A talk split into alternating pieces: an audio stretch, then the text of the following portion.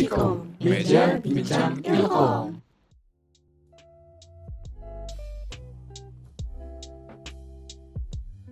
Oke, jadi eh, selamat pagi semuanya yang datang ke sini ada ada Aska, ada Sabrina tadi ya dipanggilnya. ya? Eh, Naba aja pak. Naba. Oke, eh, sama satu lagi adalah Ardra. Jadi ada Aska, Naba sama Ardra. Oke. eh, jadi kenalin nih, saya eh, mahasiswa senior di sini. Karena saya juga dulu mahasiswa sini tapi angkatan 44. saya ngurus kemahasiswaan namanya Auzi, jadi salam kenal. Eh, memang untuk yang PPKU tingkat satu kan kalian sebenarnya masih di bawah PPKU ya naungannya, jadi belum masuk ke departemen. Tapi eh, biasanya, biasanya dari kami itu atau dari Himalcom selama ini itu selalu ada beberapa acara yang ngajak angkatan yang masih di tingkat PPKU gitu. Jadi ada kesempatan lah buat ngobrol-ngobrol dulu gitu. Nah, cuma sekarang kan jadi online semua ya. Jadi kan datang ke kampus juga nggak ada orang. Kalian juga mungkin nggak tahu kampus kali. Iya. Udah pernah belum datang ke kampus? Datang pernah pak. Kalau saya udah, pernah Pak. belajar di situ. Oke, jadi apa namanya? Jadi sebenarnya pengen ngobrolin beberapa hal aja dan ini ngobrol santai ya. Jadi bukan bukan tanya jawab yang akan mempengaruhi nilai kalian atau kelulusan, tapi tapi cuma pengen ngobrol santai aja. Mungkin eh, kenalan dikit deh, cuma eh, bisa supaya dapat konteksnya nih. eh, kalian tinggalnya di mana sih gitu misalnya. Terus eh, SMA-nya dari SMA mana kira-kira? Mungkin dari Aska dulu bisa. Oke, boleh Pak. Eh, saya sendiri tinggalnya sekarang di Serang, Banten. Hmm. Eh, SMA-nya dari Mandua, Kota Serang. Dari Mandua ya, Serang ya. Lumayan deket tapi nggak deket-deket amat kan karena perjalanannya lumayan. Emang Bapak di mana, Pak? Saya di Bogor. Oh, di Bogor. Agak jauh tuh, Pak, ternyata, Pak. Iya memang agak deket tapi nggak deket-deket amat. Kalau jauhnya IPB kan di Kalimantan gitu. Oh, iya ya. Kalau masih pulau ya. Iya, kalau Relatif. masih Pulau Jawa masih deket kan di kita banyak banyak siswa juga tuh dari dari Betul. Indonesia Tengah sampai Indonesia Timur. Oke, eh, Naba Naba dari mana? Eh, saya asal dari Bandung. Mm-mm. Asal sekolahnya dari homeschooling. Oh, homeschooling ya. Oke. Berarti sekarang homeschooling juga ya begitu masuk kampus. Eh, kuliah ku- apa ya home kuliah pak? Nah, makanya apa dari SMA udah homeschooling tiba-tiba kuliahnya juga ikutan homeschooling sekarang. Iya. Tidak Oke. merasakan masuk gedung. iya, iya makanya masih di rumah-rumah juga kan. Ardra dari mana Ardra? Oh kalau eh, ini dari Depok sih. Eh, Depok Sawangan, Sawangan, bagian Sawangan. Dokter Lumayan, iya perbatasan sama Bogor gitu. Iya, itu kakak kelasmu ada yang bolak-balik dulu angkatan 51 bolak-balik ke Sawangan. Iya sih emang lumayan deket sih. Iya, terus, Terus- tapi ya itu di, pulangnya jangan malam-malam karena dulu kakak kelasmu pernah ada yang pulang malam terus eh, sempet jatuh motor karena karena buru-buru. Mana besoknya dia harus datang pagi lagi lagi dia besoknya pas pagi-pagi datang ketemu loh kamu kenapa iya pak semalam jatuh karena jalannya kan situ ini ya gede apa banyak lalu lintas ya Ah, bener, gede banget lah gitu. Emang kayak jalan utama gitu kan kalau ke Bogor ya. Iya, kalau saya sih di Bogor aja dari dulu cuma dia lahir. Dulu kuliahnya di SMA di SMA 1, kuliahnya di eh, IPB juga nyari yang deket sih waktu itu. Oke, eh, nah sekarang sebenarnya pengen nanya nih eh, ke kalian. Mungkin kalian bisa cerita global dulu deh. Eh, setahun ini rasanya gimana sih kuliah? Maksudnya kalian tuh kan jadi generasi yang mahasiswa IPB, tapi mungkin belum pernah datang ke kampus IPB. Jadi kalian mungkin nggak tahu departemen tuh gimana. Bahkan mungkin kalau ngajar mungkin eh, nggak semua dosennya on cam. Teman-teman kalian kan juga ini ya, juga ada masuk cuma ketemu mungkin di di kuliah atau mungkin ada acara-acara lewat Zoom atau apa gitu. Mungkin bisa ceritain nggak secara pengalaman kalian gitu apa yang kalian rasakan selama setahun ini gitu? Siapa dulu nih yang mau mulai? Boleh dari saya mungkin, Pak. Monggo, monggo. Iya, kalau dari saya sih bener sih maksudnya kami nggak ngerasain kayak vibes kuliahnya mungkin karena masih online dan benar kata bapak nggak semua dosen mengharuskan on cam jadi kita juga kadang bahkan nggak tahu gitu ini dosen kita yang mana kadang tahu sekedar namanya doang dan ya karena memang PPKU sekelasnya sangat banyak ya serat, lebih dari 100 orang jadi kita juga sangat kurang gitu interaksi dengan teman-teman kelas kalau tidak menyengaja gitu untuk berinteraksi gitu. Jadi cukup kurang kerasa gitu vibes kuliahnya dan kayak hal-hal eh, sebenarnya saya ingin mencoba kayak melihat situasi bagaimana sih keorganisasian yang ada di PB hal-hal seperti itu UKM seperti apa cuman jadi nggak terlalu kebayang gitu karena online dan ya gitu sih paling pak Saya sebelum masuk ke PB kan udah online juga ya di SMA kan ya. iya sempet Hmm. tapi tinggal sisa ujian-ujian gitu sih pak kalau saya I see, I see. Oke, jadi apa namanya? Kamu emang pengen organisasi? Iya kalau di SMA emang cukup aktif di organisasi pak. Jadi Oh, cukup tertarik juga pengen tahu gitu organisasi di IPB seperti apa jalannya seperti apa birokrasinya dan sebagainya. Hmm. cuman karena online jadi kayak saya nggak bisa lihat secara langsung gitu ini bagaimana gitu. Di SMA jadi prosedur- apa? prosedur ya terakhir jadi sekretaris umum di OSIS pak Oh, sekretaris umum ya. Kalau nanti di IPB mau ke mana kira-kira wah itu organisasinya? karena jujurnya karena saya mau lihat situasi itu karena ingin menentukan pilihan itu gitu pak mau masuk mana dan yang harus apa ya saya pengennya organisasinya sesuai dengan ya tujuan kalau bisa sesuai dengan departemen gitu saya nggak mau apa ya e- emang sih nggak ada yang sia-sia gitu kalau misalkan masuk organisasi cuman saya pengennya lebih yang berkorelasi aja eh, sama kehidupan berkarir saya jadi Hmm. belum belum terlalu terbayang gitu pak sebenarnya kayak bakal organisasi ke mana cuman sekarang sih udah menggiati salah satu KM aja sih cuman Oh. kalau or- kalau organisasi yang kayak eksekutif gitunya belum kepikiran UKM apa? saya ada di Max pak Oh, di Musik. Max. iya UKM MacBook ya. Eh, Max ya, bukan Mac. Max Ya. Kirain yang berhubungan juga dengan komputer. ini lebih ke hobi sih kalau yang Iya. Hmm. UKM kan bisa bisa minat bakat juga kan. Iya. Artinya bisa diseimbangin lah. Jangan jangan terlalu serius semua juga.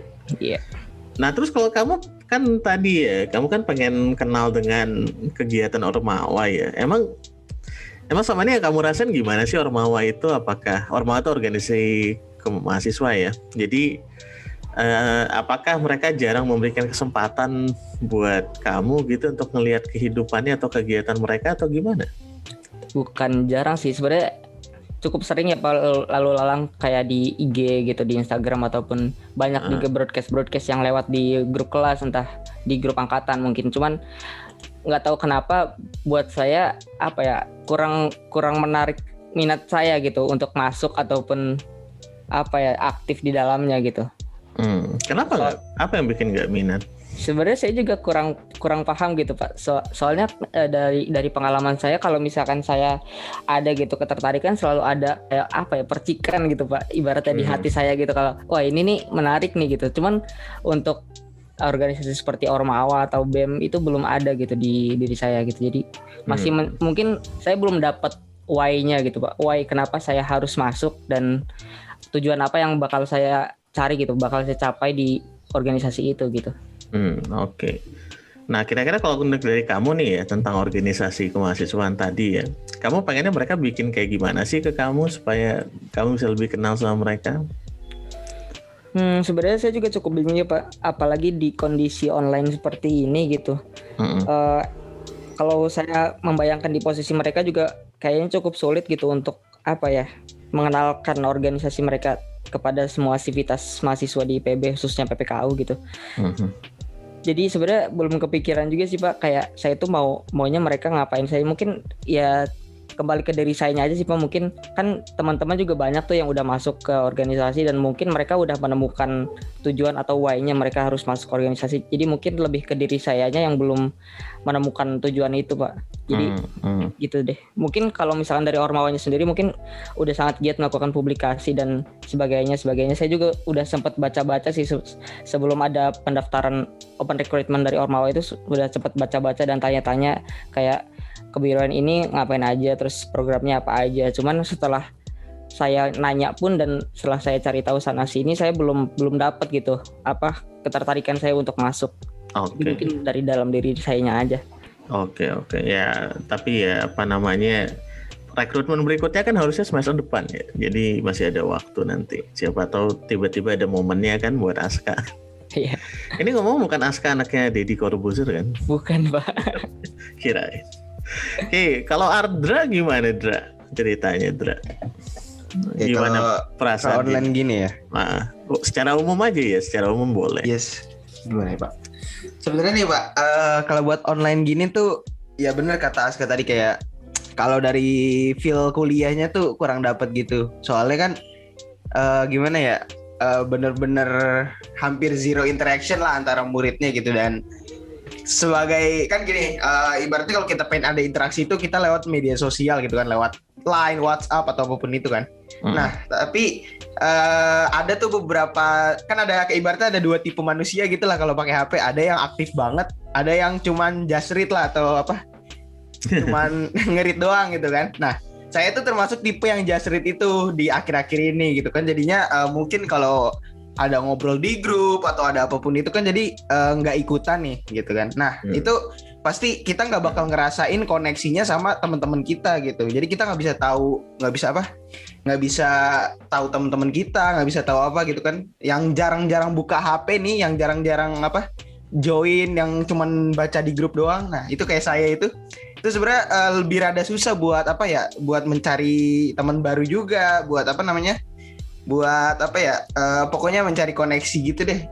Karena eh, online gini kan gitu ya sebenarnya nih ya eh, mau mau apa ya mau sering on mau jarang on juga itu tetap aja sama aja gitu. Maksudnya eh, kadang-kadang ada yang malu keluar di grup lah ada yang apa lah ada yang apa. Jadi kayak eh, kita nih nggak bisa dapat adaptasi yang pas gitu kayak apa ya ibaratnya yang yang normal lainnya gitu apa kalau lagi normal sama lagi online kayak gini tuh adaptasi buat ke kampusnya tuh beda gitu pak Hmm. kayak adaptasi buat perkenalan adaptasi buat pelajarannya itu eh, beda banget gitu pak jadi kita tuh ya menurut saya rada sulit sih pak kalau online gini beradaptasi gitu pak buat ke kampus Ya, tadi kamu bilang kamu agak segan atau tadi apa tipikalnya kan yang baca doang ya. Kenapa tuh? Kenapa nggak nyoba balas-balas atau gimana? Oh, enggak enggak sih Pak. Saya mah kalau di awal Pak, ya, awal-awal banget tuh sering banget balas Pak. Tapi kan karena sekarang HP saya sih lagi rusak gitu Pak. Jadi Oh. eh, ah, Iya, eh, masalah teknikal lah, masalah teknikal itu. Oke, kirain kenapa gitu. Oh, Tapi kalau masalah teknis ya, ya berarti kan ini ya, bukan artinya technical kan artinya ya, bukan Iya. bukan masalah. nah, tapi itu menarik juga tuh. Eh, kamu sama kamu di grup tadi tuh grup apa? Grup ilkom atau grup kelas? Bisa grup kelas Pak, bisa grup ilkom. Oh, berarti kedua-duanya ya, bisa di semua grup ya. Keadaannya kayak gitu ya jadinya ya. Mm-mm, gitu. Hmm.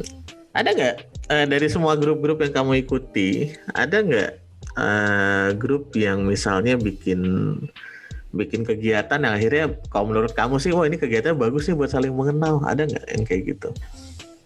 Oh, eh, kalau itu sih eh, ada sih Pak. Gimana ya? Kalau contohnya di ini sih, eh, mungkin di grup kelas dan ya di di ilkom ini Pak. Eh, jadi kalau di grup kelas itu kan mereka nggak eh, ada kayak bikin OHC OHC gitu pakai one hour closer gitu kan Pak. Nah itu emang bisa sih jadi ajang buat kita lebih mengenal gitu. Dan jujur gitu kan kalau ada OHC pasti di grup kelas eh, grup kelas apa ST ST itu Hmm. pasti setelah ada OHC itu lebih banyak yang keluar sih di grup gitu. Jadi Hmm. kayak emang mengeluarkan potensi baru gitu. Dan kalau di Ilkom sendiri emang eh, rencananya sih nanti eh, kan kita dari kepanitiaan angkatan juga nih Pak. Mm-mm. Eh, itu nanti kita rencana juga bakal ngadain OHC ini dan emang sih sebelum-sebelumnya udah ada gitu. Dan hasilnya ya emang eh, lebih banyak yang keluar juga gitu Pak. Jadi kayak kita menemukan soul-soul baru lah ibaratnya gitu Pak. Bentuknya gimana OHC-nya? Jadi kayak kayak di sini sih Pak di Zoom gitu atau di Gmeet gitu. Nah itu eh, ntar kita eh, ngebawain sebuah topik atau misalkan perkenalan doang gitu. Nah itu ntar semua orang dapat ngomong satu-satu gitu Pak. Atau dibagi di breakout room untuk apa? Untuk di grup kecil terus ntar ngomong nge-share pengalaman atau apa pun itu gitu sih Pak. OHC-nya gitu. gitu ya. Jadi ya cerita macam-macam aja ya, tapi sal tapi gantian ininya Iya. ngomongnya ya. Oke. Betul. Nah, jadi sekarang udah kerasa belum? Setelah ada WHC, kerasa lebih kerasa ya katanya ya. Tadi tadi Iya kata Pak. kamu apa lebih dekat Benar. gitu, lebih nggak segan gitu ya. Mm-mm. Eh, kamu Karena udah kerasa? apa ya? Iya kenapa? Kenapa? Kenapa? Eh, kenapa? karena karena acara-acara mahasiswa sendiri sih Pak. Jadi kayak acara inisiatif mahasiswa sendiri yang menurut saya bikin kita tuh bisa beradaptasi gitu Pak. Hmm. Tapi itu kan sesama angkatan ya. Sedangkan Hmm. kan mungkin kalau di Ilkom nanti kan kamu ketemu kakak kelas kamu, gitu, ketemu dosen. Nah itu udah ngerasa deket belum tuh? Eh, kalau kakak kelas sih kak mungkin beberapa udah deket gitu kak. Tapi kalau dos- siapa siapa siapa? Oh, ah, ini sih kak dari komunitas-komunitas di Ah. ini ini pak di Ilkom ya kan. Oke. Eh, saya kan join CSI juga tuh. Nah itu Ah. eh, kenal-kenal juga gitu. Kalau dosennya atau secara Hmm. umum departemen deh? Gitu. Kalau secara dosen ya Pak jujur belum terlalu kenal sih Pak. Oh, belum belum diajar soalnya ya. Ah, ah. Ah, Oke. Pengen nggak kalau ada acara OHC tapi tentang dosen gitu? Oh, eh, boleh bareng dosen gitu Pak atau gimana? Oh iya, karena gini, kalian kan semua udah desain dosen tuh ya. Apa Mm-mm. yang buat pembimbing penggeraknya? Udah belum itu? Eh, yang apa Pak? Dosen yang buat Merdeka Belajar itu, yang pembimbing akademik yang dari Ilkom. Ud- Udah belum ya? Udah belum? Eh, udah Udah ya, udah. Udah, udah kan? udah udah ada Ah. Oh, gimana? Nggak nggak tahu. ya udah ada, tapi apa nanti topik lain deh. Jadi itu udah desain sih. Tapi pengen nggak kalau ada momen kayak gitu dari dosen? Perlu nggak? mungkin Perlu nggak mungkin sih? Pak. Eh, mungkin per- perlu sih eh, enggak ya Pak. Tapi kalau kalau pengen ada gitu eh, bisa sih Pak gitu kan buat apa? Mungkin lebih lebih apa? Lebih dekat gitu kan Pak. Oke deh. Nah sekarang Sabrina gimana? Naba setahun ini Eh. kesan kesan ininya aja kesan umumnya. Kalau kesan umumnya sih kalau misalnya untuk dari dari kelas dulu kali ya. Kalau dari kelas sih kayak eh masih belum kerasa kalau misalnya tuh udah kuliah gitu. Soalnya kan kita belum pernah masuk ke kampusnya. Terus habis itu masih belum apa ya, belum kenal secara langsung gitu sama teman-teman kelasnya gitu kan. Dan saya tuh tipikal orang yang nggak bisa langsung ngebaur gitu loh. Jadi kayak masih suka ngenutup diri dulu dan masih rada susah buat ngomong apa buat langsung ngomong sama orang gitu tanpa diajak ngomong terlebih dahulu masih rada susah. Nah, sedangkan di kelas itu kan jatuhnya kan banyak banget jadi kan gak mungkin kan kayak apa kalau misalnya kitanya gak muncul ya gak mungkin diajak ngomong gitu. Jadi nyampe pernah tuh saking gak saking sayanya jarang muncul nyampe anak kelas tuh mikirnya saya udah pindah pak padahal masih ada emang ya Allah. Parah banget emang. Tapi kalau misalnya untuk di departemen sendiri sih saya udah saya cukup aktif gitu kan kalau di departemen. Karena kan kita udah bareng dari MPKMB kan dari zaman pas waktu baru diterima lewat SBMPTN waktu itu kan udah langsung masuk ke grup. Terus habis itu kan udah kenalan juga sama teman-temannya dan iya gara-gara itu sih jadi udah jadi bisa ngebaur kan. Tapi kalau yang untuk di kelas belum. Terus Hmm. kalau untuk masalah kayak sama sih kayak teman-teman yang tadi juga bilang kalau dosennya kan gak, gak semuanya mewajibkan on cam jadi kan kadang suka ya kayak kitanya suka hati sendiri gitu pak buat pas waktu kelas tuh. Jadi begitu pas dosennya masuk ya kita cuman kayak nongol di zoom doang tapi gak terlalu nyimak juga karena emang ya namanya juga di rumah kan ya pak vibesnya kan pasti beda kuliah di rumah Hmm. sama di kampus jadi kayak kurang serius gitu sih pak tuh kalau dari saya mah Kalau yang OHC tadi ada nggak di kelas kamu?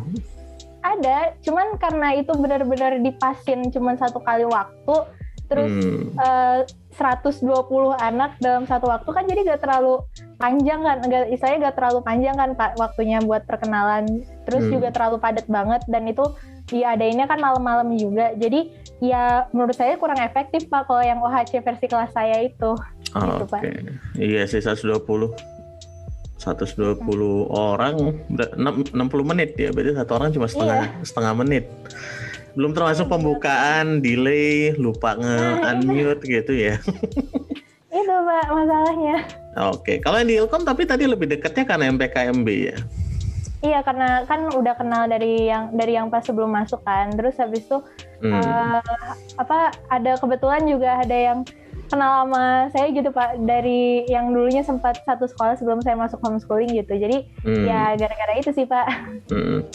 Apa yang bikin kalian atau dari kamu sendiri kenapa kamu merasa dari MPKMB departemenmu atau teman-teman yang satu jurusan jadi lebih dekat gitu? Apa sih yang bikin itu terjadi dari MPKMB?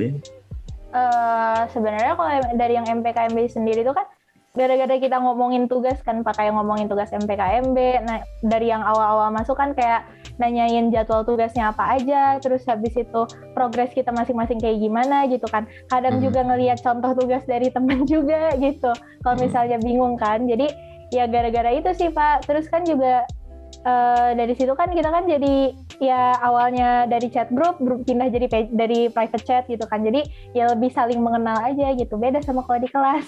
Hmm, Oke, berarti kalau di kelas kurang banyak tugas. Hmm, bukan kurang banyak tugas pak maksudnya kalau di kan lebih banyak ke individu kan pak. Terus kan juga mungkin ya? anak-anak kelas iya jadi lebih banyak kayak kan kalau di kita tuh lebih banyak kayak tugas laprak gitu-gitu kan. Sedangkan tugas kelompoknya mhm. itu ya agak terlalu sering lah gitu dan seringnya tuh tugas kelompok itu tuh eh apa masih nyampur sama anak departemen kita sendiri gitu pak jadi kadangnya kita juga mager muncul di situ tapi munculnya malah di grup departemen gitu pak Oh. Tapi yang tugas-tugas kelompok tadi itu merasa mem- ini yang di luar MPKMB ya, artinya yang di kuliah Hmm. ya. Tugas secara berkelompok tadi ngebantu kamu nggak begitu di pandu di kuliah daring ini gitu supaya saling kenal? Eh, kurang soalnya kita benar-benar pure ngomongin tugas kan pak jadi kayak Hmm, cuman sebatas tahu nama dia doang gitu kayak misalnya oh ini si A oh ini si B cuman gitu doang pak Nah ini ini yang menariknya tadi itu karena di MPKMB juga ada kondisi tugas. Di kuliah pun juga ada tugas kelompok kan. Tapi kenapa yang MPKMB itu bisa ke kamu tuh ada dampaknya bahwa jadi lebih mengenal, tapi yang tugas kuliah tuh enggak. Bedanya di mana itu? bedanya di mana ya? Eh, nggak tahu sih saya juga bingung sama diri saya sendiri nih pak. Jadi bentar. Kalau misalnya yang di MPKMB itu kan misalnya eh, kita tuh kan nanyanya bukan kayak di grup yang emang khusus buat tugas gitu pak. Kita kan nanya di grup yang buat angkatan gitu kan. Jadi ya habis nanya gitu suka diselingin sama kayak ada yang bercanda lah, ada yang gimana. Jadi kan dari yang kita baru tadi muncul, terus habis itu di bawahnya ada bercandaan kan kita jadi kayak nyambung situ gitu pak. Sedangkan Hmm. kalau yang di grup tugas itu kan ya emang khusus buat tugas kan ya kali kita ngebecanda di situ gitu. I see. Kalau Ardra sama Aska gimana? Ngerasain hal yang sama nggak tentang grup tugas tadi? Iya sih Pak. Iya sih pak. Eh, kalau untuk yang MPKMB tadi ya mungkin mau nambahin dari perspektif saya kenapa bisa eh, yang MPKMB itu lebih kerasa mungkin bukan karena MPKMB-nya doang maksudnya kalau dari saya mungkin karena kan MPKMB itu jauh sebelum perkuliahan dimulai ya maksudnya kita punya waktu luang banyak untuk saling mengenal jadi Hmm. mau nggak mau kita lebih dulu ketemu lah istilahnya meskipun secara online sama teman-teman departemen gitu. Itu itu salah satu kenapa kita mungkin lebih akrab sama teman-teman depar- departemen. Dan kebetulan kami juga sering gitu kalau misalkan di masa-masa MPKMB itu kayak main bareng gitu kayak mabar game online atau sebagainya. Dan itu juga bisa banget buat mempererat ikatan kami gitu. Terus eh, kalau misalkan kenapa mungkin kalau misalkan terkhusus di kayak penugasan ya maksudnya kalau kelompok gitu di perkuliahan sama kelompok di eh maksudnya iya penugasan di MPKMB kalau misalkan menurut saya kalau MPKMB kan kita ngerasain kayak struggle-nya bareng-bareng gitu meskipun tugasnya individu kita tuh kayak bingung bareng-bareng dan kita eh, apa ya saling nanya aja gitu di grup besar kayak eh ini tugasnya gimana sih? Harus ngapain sih? Sedangkan dan oh ya dan tugas MPKMB itu kan emang di, dibebankan terhadap individu masing-masing gitu. Jadi masing-masing individu harus mengumpulkan dan biasanya punya ciri khas tersendiri kayak misalkan video pengenalan diri atau sebagainya. Paling kita cuma nanyain kayak eh ini aspek rasionya kayak gimana terus eh, misalkan maksimalnya berapa menit hal-hal seperti itu yang biasanya kita tanya tanyain gitu dan di- didiskusikan sedangkan kalau misalkan di eh, tugas kelompok malah kalau dari yang saya rasakan sendiri ya Pak malah bukan men- nambahin erat kadang eh, mungkin ini saya saya juga gitu yang punya penyakit hati cuman kadang emang ada beberapa orang yang sama sekali nggak pernah muncul gitu di grup dan padahal kan kalau misalkan MPKMB kan itu tugasnya individu ya Pak. Sebenarnya kalau misalkan tugas kelompok itu ya cuma satu satu tugas untuk dikerjakan bareng-bareng gitu. Mhm. Nah, kan itu kita harus mengerjakan bareng-bareng ya bukan satu orang doang. Jadi kalau misalkan tugas di perkuliahan kalau misalkan ada seseorang gitu yang yang nggak pernah muncul tapi tetap harus kita tulis namanya misal kayak ya kasarnya numpang nama doang itu malah bikin kita kesel dan jadi nggak suka sama orangnya jadi bukannya buat bonding malah bisa bikin kesel gitu ke orangnya pak. Mungkin Nah. gitu sih kalau di bang perkuliahan. Dan orang-orang kan kalau di perkuliahan udah apa ya perspektifnya dan tujuannya masing-masing beda ya. Jadi udah mulai kayak ngejar nilainya itu. Jadi kalau misalkan di MPKMB kan emang ya udah kita eh, kayak fun aja bareng-bareng gitu struggle bareng-bareng dan gak mikirin nilai apa-apa. Oke, eh, jadi itu ya ada beda tujuan, beda waktu tadi ya, karena yang MPKMB kan di masa yang belum padat kuliah, kemudian apa namanya eh, sifat penugasannya kalau yang PKMB itu banyak yang individu, tapi bingungnya berjamaah. Jadi kalian bisa tetap semuanya terpaksa harus cari tahu gitu kan. Tapi kalau tugas kelompok itu jadinya adalah kerjaan bareng-bareng dan sehingga ada beberapa orang jadi nggak nggak terlalu terlibat gitu ya. Iya pak itu nyimpulin aja. Kalau kita bilangnya itu gorengan gitu. Jadi biasanya kalau datang cuma ngasih gorengan aja kalau dia sopan.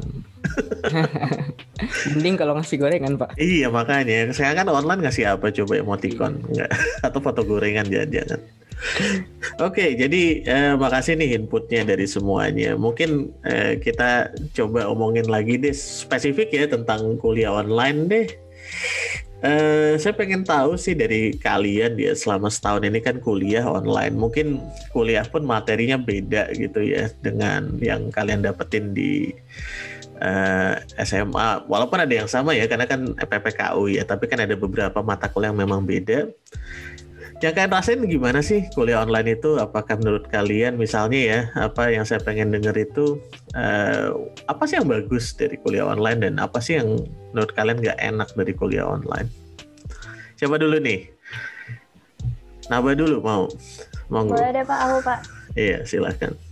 Eh, kalau dari saya sih kalau misalnya yang sisi positifnya ya, kita kan jadi istilahnya bisa kelas di mana aja gitu Pak. Entah kalau misalnya yang lagi dalam perjalanan sekalipun bisa tetap ikutan kelas kan. Contohnya saya yang suka eh, saya kan di Bandung suka harus ada urusan ke Jakarta pas di dalam perjalanannya itu masih suka kadang kalau misalnya ada kelas ya ikutan di, pas lagi di tol gitu kan Pak. Sedangkan kalau misalnya waktu perkuliahan offline kan ya nggak bisa kayak gitu kalau misalnya emang saya harus pergi ya saya harus izin kan Pak. Jadi otomatis ketinggalan kelas gitu. Kalau dari sisi positifnya itu terus juga hmm, kalau misalnya kita susah nanya apa kalau misalnya kita susah pas waktu belajar itu kan bisa langsung auto buka apa itu namanya buka Google gitu kan Pak bisa langsung lihat di misalnya sebelahnya Zoom terus habis itu sebelahnya lagi tuh yang penjelasan dari yang si dosennya gitu yang lebih rincinya kalau misalnya ada di Google gitu kan Pak.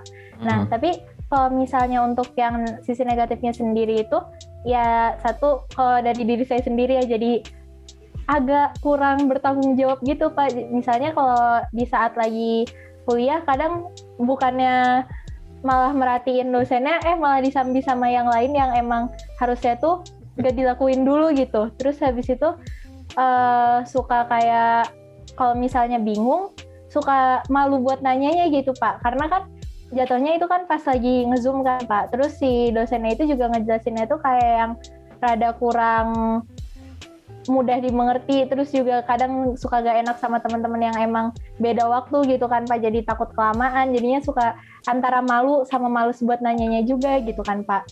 Nah terus sama satu lagi tuh tugasnya jadi menurut saya jadi lebih ribet dibandingin kayak ya yang diceritain sama kating-kating sebelumnya gitu. Kalau misalnya yang laprak jadi sekarang banyak banget terus habis itu jadi lebih padat perkuliahannya gitu-gitu deh Pak kalau menurut saya Hmm, oke, oke, oke. Jadi ya itu ya ada positifnya lebih fleksibel, tapi negatifnya tadi ya pas pelaksanaan ada beberapa catatan.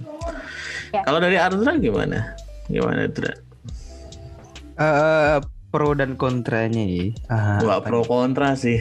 Kamu nggak pro kontra ya? tapi yang menurut kamu wah ternyata enak ya online ininya ya. Hmm. Tapi waduh ada yang nggak enak juga. Nah itu yang saya dengar. Jadi bukan pro kontra. Iya sih, iya sih, bener ya. Eh, gimana ya? Enaknya tuh apa ya kalau online ya? Eh, bener sih kata Naba. Kalau menurut eh ini juga fleksibel banget sih emang bener-bener fleksibelnya tuh eh, sampai bisa tiduran lah gitu kan kuliahnya sambil tiduran tuh enak banget gitu kayak mau bangun jam berapa aja gitu kan kan kalau misalkan ini kan kan eh, apa ya awal-awal pas SMA tuh bayangin kuliah waduh bangunnya harus pagi banget nih harus mandi dan harus siap-siap harus siap-siap ke kuliah. Ternyata pas kuliahnya online wah enggak ya ternyata nggak harus mandi pagi buat kuliah gitu kan. Iya. jadi online itu emang bener-bener bikin fleksibel tempat fleksibel waktu bener-bener fleksibel deh semuanya Terus Mhm. juga kalau ibaratnya nih ya ngitung-ngitung dari ongkos gitu kan, ya dalam tanda kutip gitu ya lebih hemat juga nggak sih kan kita nggak ada ongkos bensin, kita nggak ada ongkos makan, makannya di rumah gitu kan ibaratnya. Jadi mungkin kalau dari ongkos gitu lebih hemat gitu kan. Dari point of view ekonomi lah ibaratnya gitu. Hmm. Oke. Nah tapi mungkin kurangnya tuh ini ya apa ya? Eh, itu sih kalau menurut saya masih di ininya apa bagian eh apa tuh Eh yang tadi tuh tentang apa feel-nya gitu feel kuliahnya sih apa eh, rasa kuliahnya tuh rasa mahasiswanya masih belum dapet gitu sih pak Hmm. Emang apa sih yang yang menurut kamu eh, tadi kan ke- ke- merasa jadi mahasiswa itu seperti apa sih gitu? Saya pengen tahu juga nih. Kalau menurut kamu. Eh, kan sebenarnya mahasiswa itu kan ketika kita, kita udah masuk kita kan udah bisa eh, udah bisa dibilang sebuah mahasiswa gitu kan ya tapi eh, wa- eh, apa ya eh, stereotipnya mahasiswa gitu kan eh, ngekos terus apa Oh iya. iya. eh, ya gitu-gitu stereotipnya itu kita nggak ngerasain gitu sih pak jadi Emang selain wa- selain ngekos apa lagi stereotipnya? oh stereotipnya eh, mungkin ngekos terus apa ya eh, sering nongkrong bareng gitu kan itu itu mungkin ini menurut saya aja sih pak ini menurut saya ya mahasiswa? Ya nggak apa-apa nggak apa-apa. ya lebih lebih free gitu pak. Terus kayak bener-bener bisa bisa mengeksplor gitu lah pak. Kalau itu kan nah kalau mungkin di sini nih gitu kan saya kan karena di rumah gitu. Maksudnya mengeksplor tuh mungkin mengeksplor daerah tempat kuliahnya gitu kan. Itu kalau Hmm. saya mungkin sebagai mahasiswa. Terus nongkrong jadi eh, banyak koneksi banyak apa sering nongkrong bareng sering apa bertemu dengan teman-teman baru apa ya Hmm. bangun koneksi itu kan mungkin untuk nanti entah itu buat karir atau buat apa atau buat sekadar koneksi aja gitu kan nah itu eh, mungkin nggak bisa susah didapetin juga pas online gini gitu. terus kalau ngekos ya Kak, ya di rumah gitu kan ngapain juga ngekos gitu kan Iya. ya mungkin feel feel itunya sih nggak dapet gitu sih Pak. Iya, Yang membuat kamu jadi mahasiswa gitu ya. eh Aska gimana kak? Eh, kurang lebih sama sih maksudnya kalau misalkan ya positifnya kita sangat sangat fleksibel ya buat kuliah online. Eh, sama ya ekonomi juga sangat terbantu gitu. Jadi kita nggak perlu ngeluarin ya khususnya orang tua sih ya sebenarnya masih dibiaya orang tua. Kita nggak usah ngeluarin kayak biaya untuk kendaraan terus makan. Masih bisa bareng-bareng di rumah.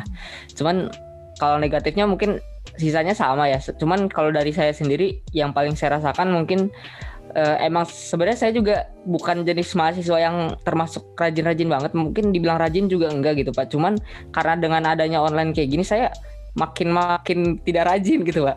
Soalnya apa ya kalau misalkan kita di zoom kayak gini banyak sekali distraksi yang bisa kita lakukan gitu yang nggak bisa dilakukan kalau offline kayak misalkan sambil main HP sambil scroll sosmed sambil nonton YouTube pun bahkan bisa gitu Hmm. soalnya apa ya kan ya seperti bapak bilang tadi nggak semua dosen nyuruh on cam dan kita juga uh, on mic cuma saat-saat yang diperlukan aja gitu jadi godaan untuk uh, melakukan hal lainnya tuh cukup besar gitu dan distraksinya tuh ada di sekitar kita dan bisa dilakukan kapan saja gitu jadi Mhm. mungkin nggak ada apa ya dorongan untuk belajar lebih gitu. Soalnya menurut saya mau nggak mau kalau apa ya menciptakan suasana belajar yang kondusif emang agak harus di force ya biar bisa dapat gitu materi pe- pembelajarannya. Karena emang kalau misalkan kita nggak bener-bener konsentrasi pada saat zoom atau kuliahnya susah gitu. Kalau misalkan pun mau belajar sendiri gitu. Kalau misalkan offline kan kita mau nggak mau ada di ruang kelas yang terfokus memang untuk belajar gitu.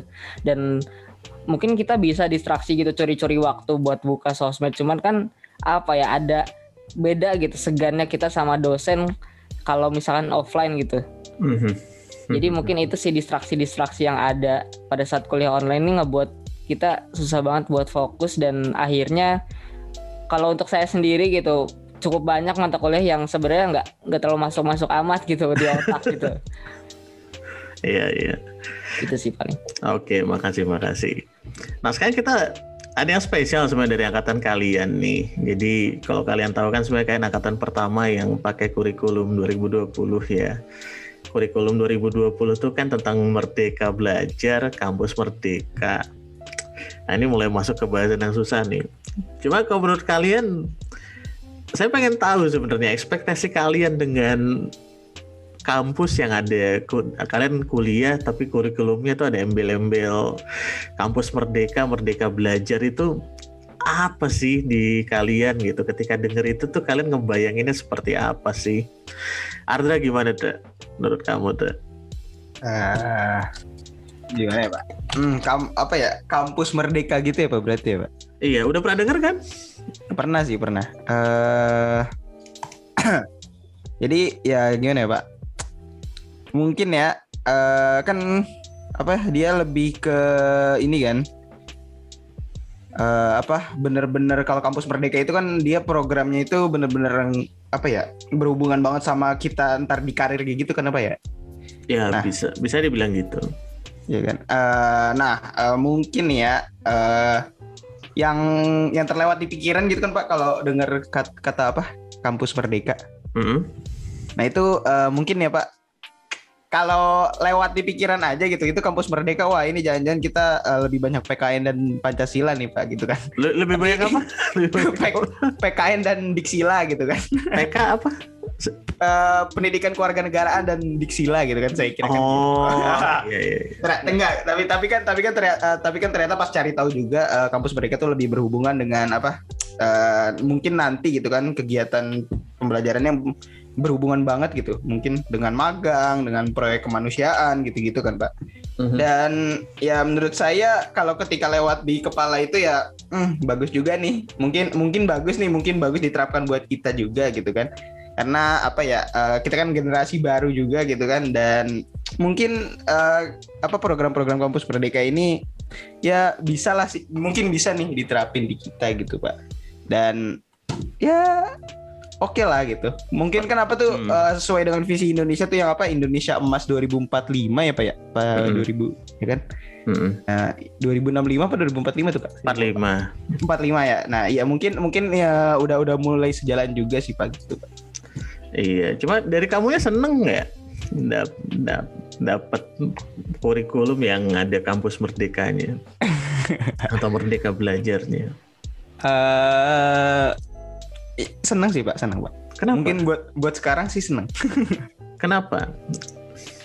karena gimana ya pak kalau kan kita dapat ini ya eh buat sekarang gitu kan eh, dapat apa ya setidaknya info-info dikit gitu lah pak maksudnya kayak kan ada pe eh eh, di kalau ini pak kalau dalam realisasinya sendiri tuh kayak ini termasuk nggak sih pak pertanian Indonesia itu pak Apa?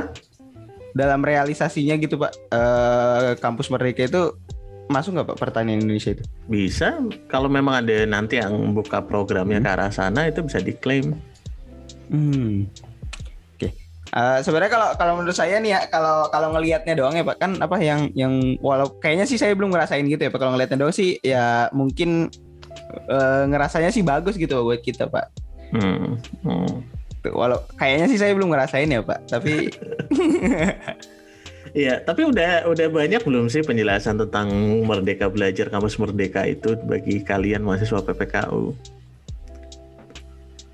Hmm, jujur kalau saya ya Pak, kalau saya sih eh, mungkin mungkin nih mungkin udah dikasih tahu ya Pak. Kan ka- karena belakang-belakangan ini saya juga kurang apa kurang aktif gitu.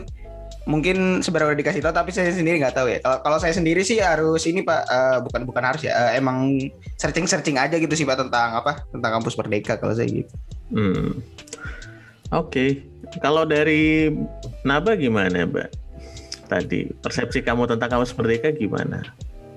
Eh, MBKM Merdeka Belajar Kampus Merdeka.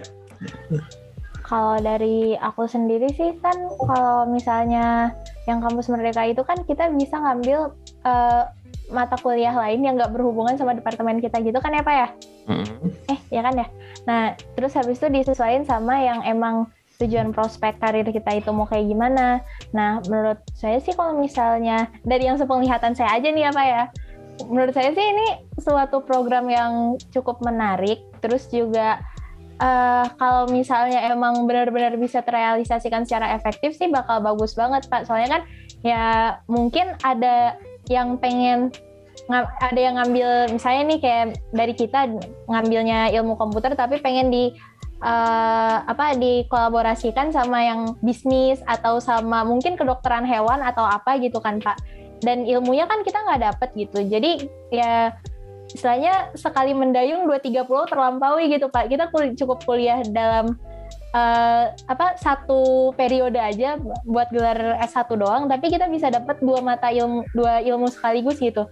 Jadi menurut saya itu cukup bagus sih Pak kalau misalnya emang benar-benar bisa efektif gitu. Kan ini kan misalnya kita belum langsung belum nyobain gitu Pak baru dikasih tahuin ada program ini tapi kita belum mencobanya gitu. Jadi ya kalau baru dari sebatas perspektif doang gitu kalau dari perspektifnya emang gitu.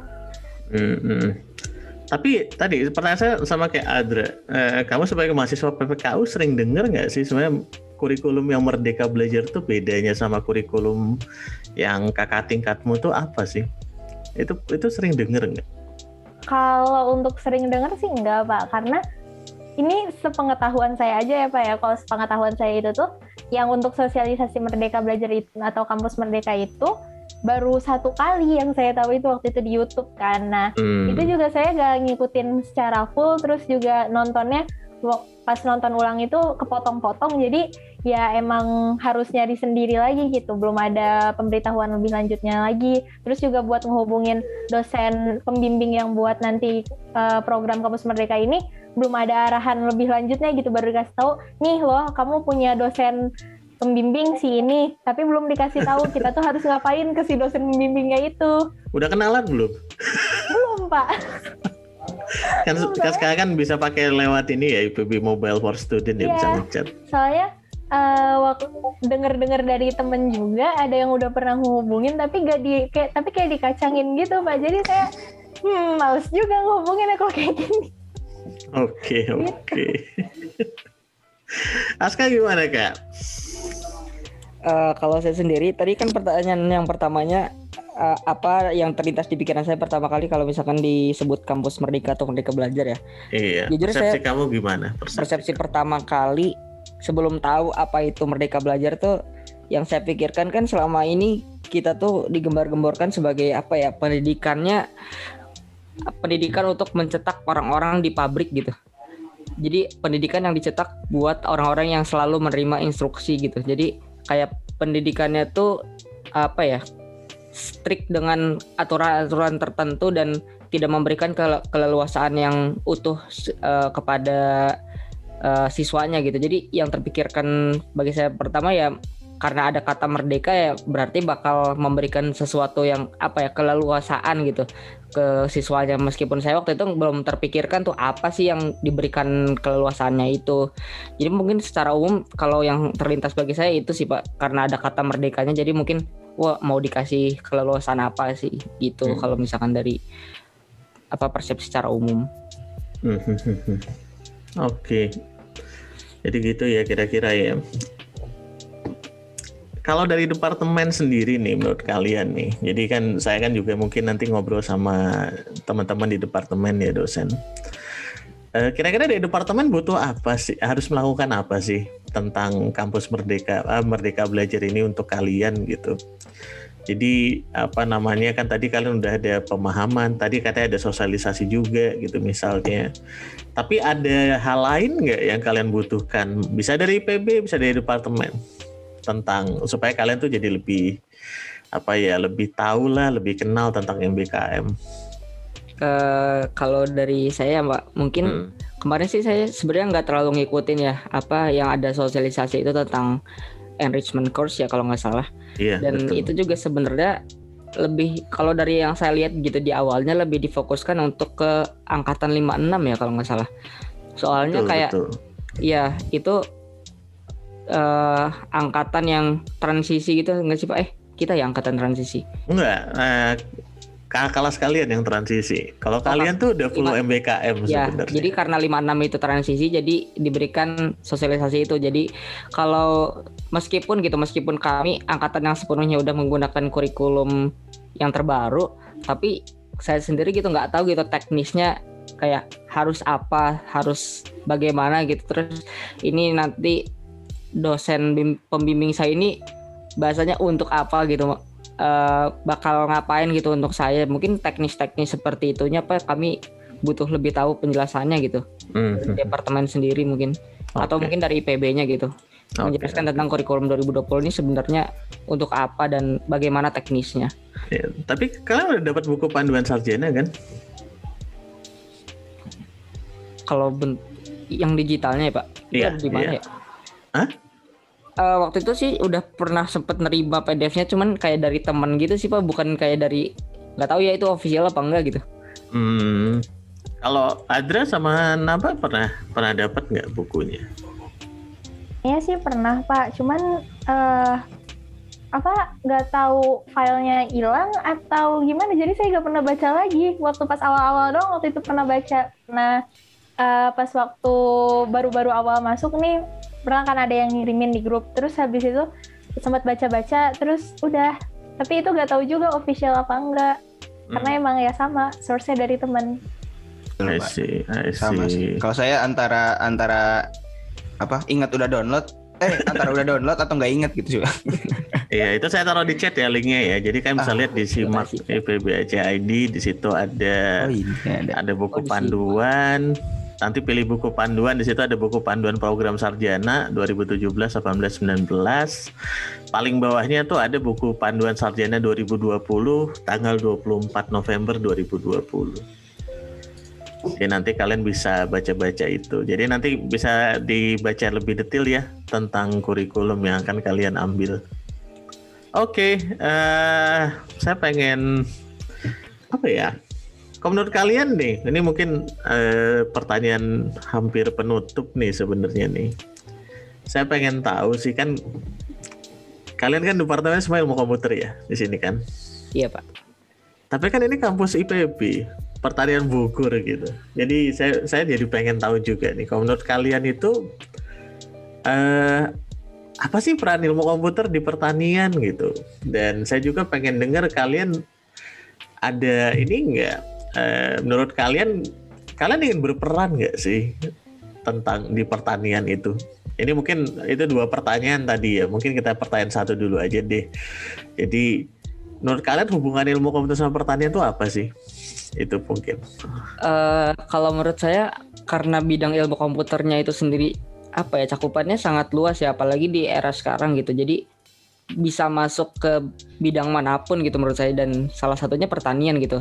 Meskipun pertanian apa ya kayak notabene-nya kayak ya di sawah kayak gitu yang kotor-kotor cuman menurut saya sangat sangat akan terbantu kalau misalkan kayak ada teknologinya gitu. Soalnya kalau misalkan saya lihat kayak pertanyaan di luar negeri atau bahkan saya kalau misalkan main game farm simulator gitu itu sangat-sangat beda gitu dengan apa yang ada di Indonesia padahal Indonesia notabene negara yang ya cukup banyak lah pertaniannya gitu entah itu dari padinya ataupun varietas lain jadi menurut saya sangat dibutuhkan gitu peran ilmu komputer untuk memajukan pertanian gitu entah dari produktivitas hasil taninya ataupun kualitas padinya itu sendiri gitu Hmm, Oke.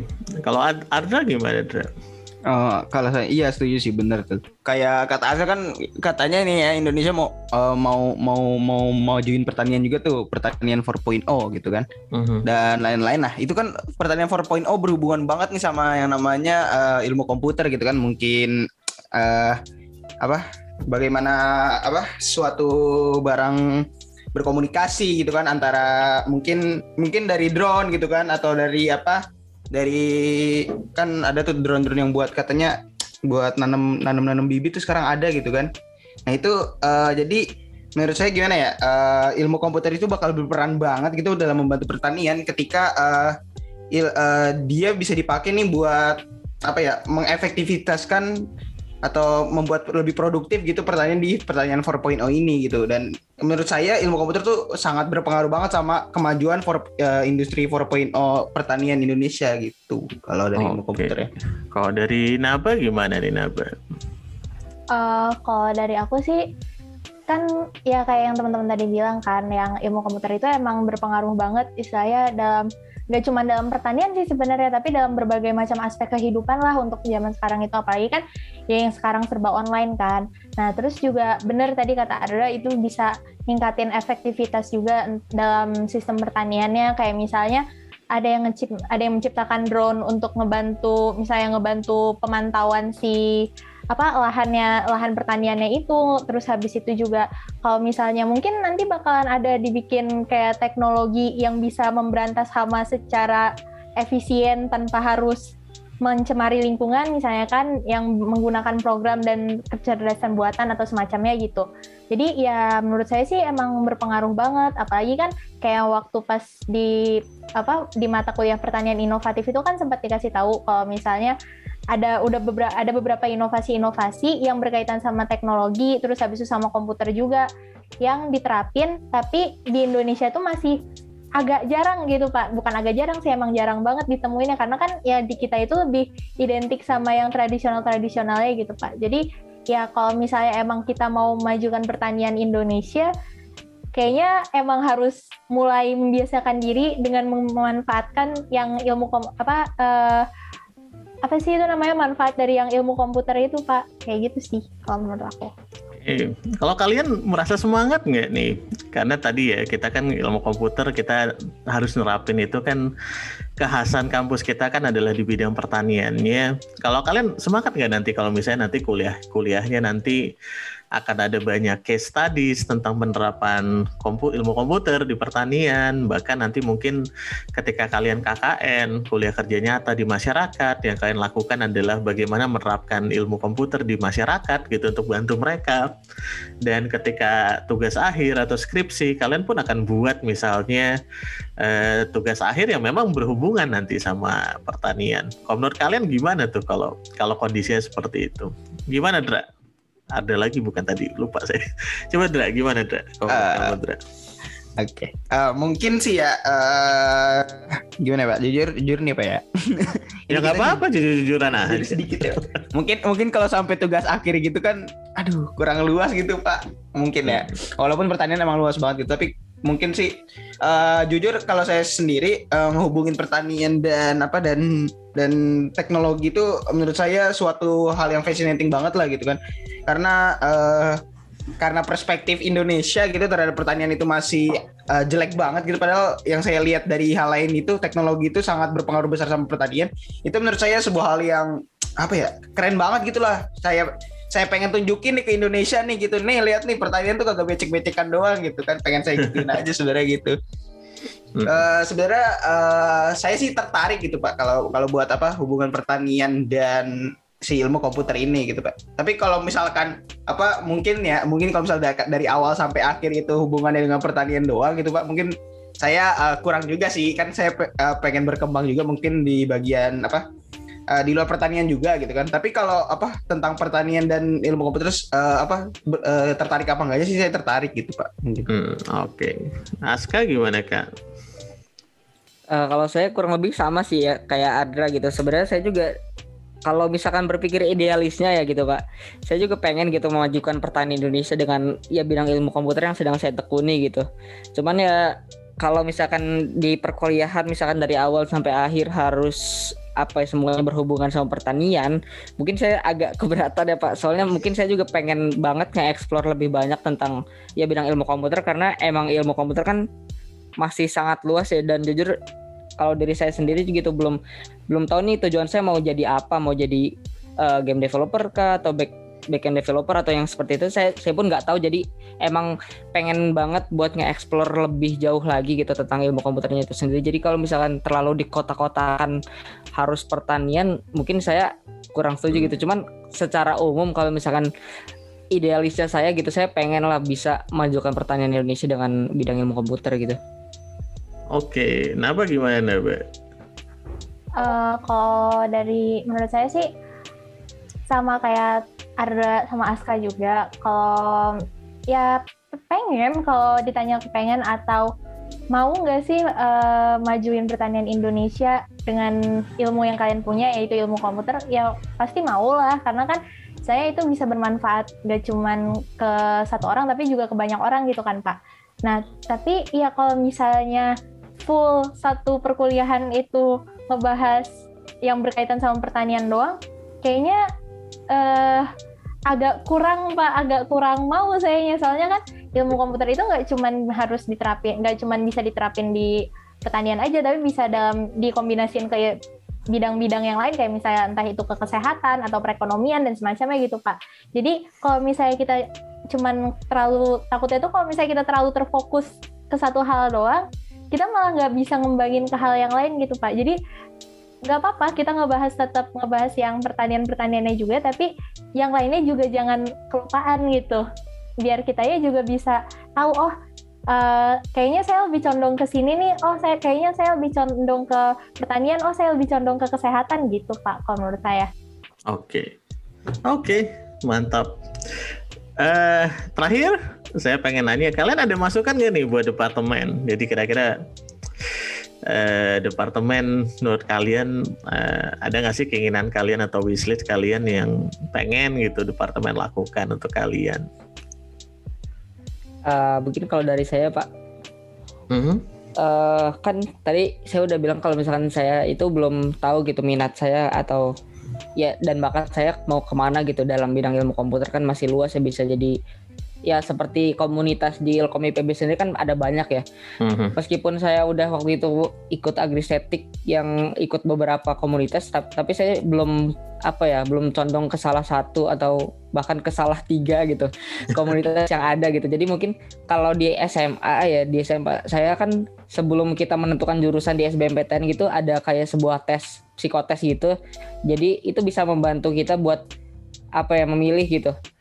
Uh, kayak sebenarnya saya ini orang yang cocok dengan bidang yang seperti apa gitu. Mungkin kalau kalau ada gitu dari departemen uh, tes sejenis itu yang bisa membantu siswanya uh, memilih bidang spesifiknya uh, minat dan bakatnya ke mana gitu, mungkin bisa sangat membantu gitu pak. I see. Kalau kalian ada ini ya, ada talent mapping juga kan ya untuk yang ya, PP, PPKU ya. Itu membantu nggak tuh dalam dalam meng saya saya tuh pengen tahu talent mapping itu menurut kalian satu apakah merepresentasikan kalian yang kedua itu apakah itu membantu kalian uh, kalau dari saya sendiri itu cukup merepresentasikan saya ya pak cuman hmm. kalau untuk membantu kayak ke bidang karir khususnya di bidang komputer saya belum belum dapat gitu. Misalkan hmm. saya orangnya ESTJ gitu, hmm. uh, orang yang apa lebih ke thinking gitu misalkan. Cuman nggak uh, tahu juga spesifiknya kalau misalkan di profesi di komputernya apa gitu. Mungkin kalau misalkan bisa otomatis di link gitu.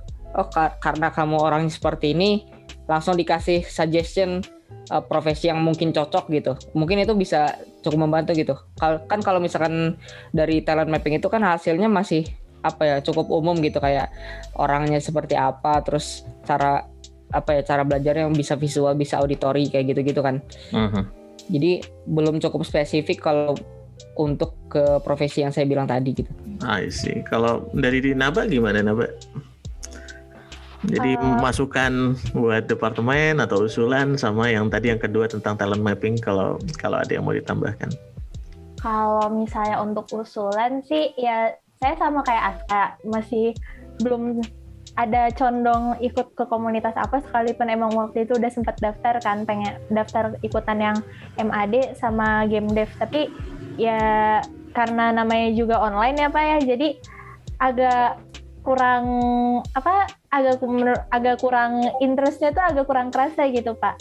Nah mungkin dari uh, departemen tuh bisa kayak apa ya kan kalau misalnya ikutan komunitas itu kan jadwalnya kan ya harus nyesuaiin sama jadwal-jadwal yang lain juga kan mm-hmm. nah mhm. mungkin mm-hmm. ini bisa kayak ngadain yang namanya workshop atau semacamnya tapi yang dari departemen ilkomnya sendiri gitu biar kitanya tuh tahu kalau oh kayaknya saya lebih cenderung ke sini nih kayak gitu terus uh, boleh banget kalau misalnya yang tadi saran dari Aska itu bisa terlaksana yang uh, dari ilmu komputer sendiri ngadain kayak semacam psikotes atau tes semacam itu yang bisa nunjukin minat kita itu ke mana gitu kan. Nah, terus kalau untuk pertanyaan yang selanjutnya yang tadi masalah tes apa itu namanya talent mapping yang waktu MPKMB itu Mhm. eh, cukup merepresentasikan sih Pak. Cuman ya masih belum terlalu kebayang lah kalau untuk dikembangkan ke dalam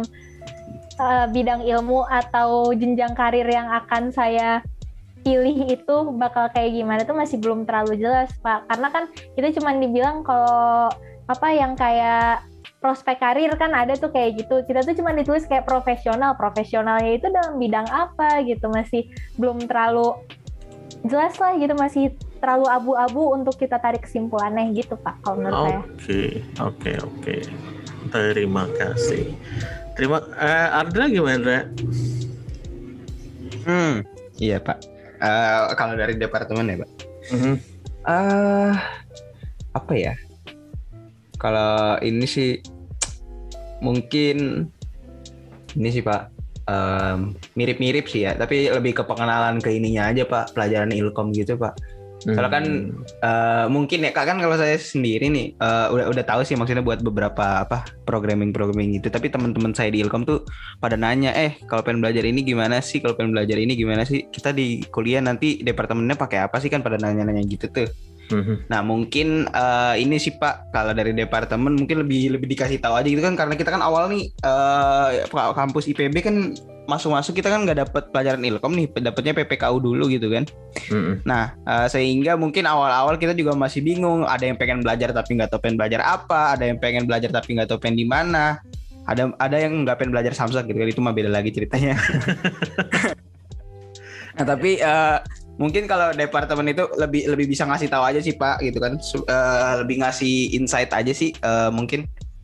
Eh, dan itu kayak lebih apa ya mungkin lebih di frekuensinya tuh lebih diseringkan gitu Pak. Karena kan eh, mungkin kalau dalam sekali gitu kan ada yang cuma lewat baca tapi dua kali lama-lama mungkin oh ini apa lagi apa lagi terus lama-lama oh ada ada ginian ada ginian tuh ada ginian gitu jadi kayak mungkin frekuensinya diseringkan dan lebih dikasih tahu aja sih pak gitu tentang ilmu komputer gitu biar kita yang PPKU tuh mungkin ntarnya lebih siap gitu pak gitu Mhm. sih pak Oke. Nah, talent mapping gimana? Oh iya yang talent mapping ya. Eh kalau tadi talent mapping ya, eh jujur saya s- ya, buat merepresentasikan ya yang tadi ya. eh, ya boleh lah merepresentasikan dan jujur saya eh, buat bu- buat buka talent mapping tuh bingung gitu kan kata talent mapping ini bisa menyocokkan sama tujuan kalian gitu. Eh bukan tujuan apa? Eh, mungkin prospek kerja kalian yang bagus dan ya benar kata kayak nambah tadi sama Aska gitu kayak bingung baca ini apaan gitu kan Eh, bertanggung jawab iya bertanggung jawab apa nih pekerjaan yang bertanggung jawab semuanya kan bertanggung jawab pekerjaan kan gitu kan kayak membingungkan aja gitu sih pak gimana ya Eh, buat talent mapping jadi ya kurang lah masih masih gray area juga gitu kayak masih Hmm. abu-abu juga buat mengkoneksikan satu ke yang lainnya gitu pak Oke. Oke, makasih. Eh, kita perlu ngadain gini-gini lagi nggak sih? Acara ngobrol gini gitu ya nggak harus sama saya ya, mungkin nanti sama siapa dari departemen gantian. Boleh sih Pak kalau menurut saya Boleh, Pak. tergantung urgensinya juga. Maksudnya cukup bagus kan kalau misalkan mungkin kalau dari bapaknya bisa jadi masukan mas- masukan buat ke departemen dan ke dosen-dosen dan kalau dari kami juga jadi dapat insight baru dari bapak. Iya, nanti topiknya tentang apa yang kalian kepikiran? Mungkin kayak suka dukanya kuliah di ilmu komputer Pak. kan soalnya banyak yang bilang kalau kuliah ilmu komputer tuh kayak no lab atau apalah gitu kan. ya mungkin kan bisa gitu memberikan insight bener gak sih kayak gitu gitu. Iya, itu nanti ada dari kakak kelas kalian tuh Magicom namanya. Nanti mungkin akan bahas tentang itu juga di podcast yang e-commerce talks. Ngobrol-ngobrol santai, saling curhat, saling belajar. Tapi nanti kalau ada topik yang memang perlu didiskusin kayak gini, nanti Anda bisa sampaikan lewat Himalcom ya. Jadi jangan segan gitu. Jadi ya nanti Himalcom akan sounding ke saya, nanti kita coba cari kapan waktunya, siapa yang bisa ngisi, dan seterusnya. Gitu ya. Oke, eh, makasih Azra, Aska, Naba sudah hadir. Eh, semoga ini obrolan kita jadi ada pencerahan ya baik bagi kalian maupun kami juga dari sisi pengelola departemen. Semoga nantinya kita bisa apa namanya bisa menjadi lebih baik lagi dari sekarang dan tentunya tetap sehat dan semoga waktu buat kita ketemuan bareng di kampus itu bisa inilah bisa cepat segera datang juga dalam kondisi yang aman dan ideal. Karena memang sejujurnya ketika berubah jadi online kalau dulu tuh saya ingat ini jadi cerita panjang nih tapi saya ingat dulu tuh Uh, kita tuh tempat diskusi tuh dikit, kemudian akhirnya jadi banyak. Nah itu ngumpul tuh banyak tuh dari tingkat 1 sampai tingkat 4 bahkan alumni juga ada yang nongkrong situ kadang-kadang. Udah ngobrol aja ngalir gitu. Coba begitu berubah jadi Zoom meeting itu itu nggak ada gitu jadinya. Jadi ya, akhirnya saya iseng aja buat ini lagi. Tahun lalu bikin sih tapi uh, sempat nggak kepegang akhirnya sekarang jalan lagi. Moga aja bisa konsisten lagi. Oke, makasih semuanya sudah datang. Uh, kita tutup ya. Assalamualaikum warahmatullahi wabarakatuh.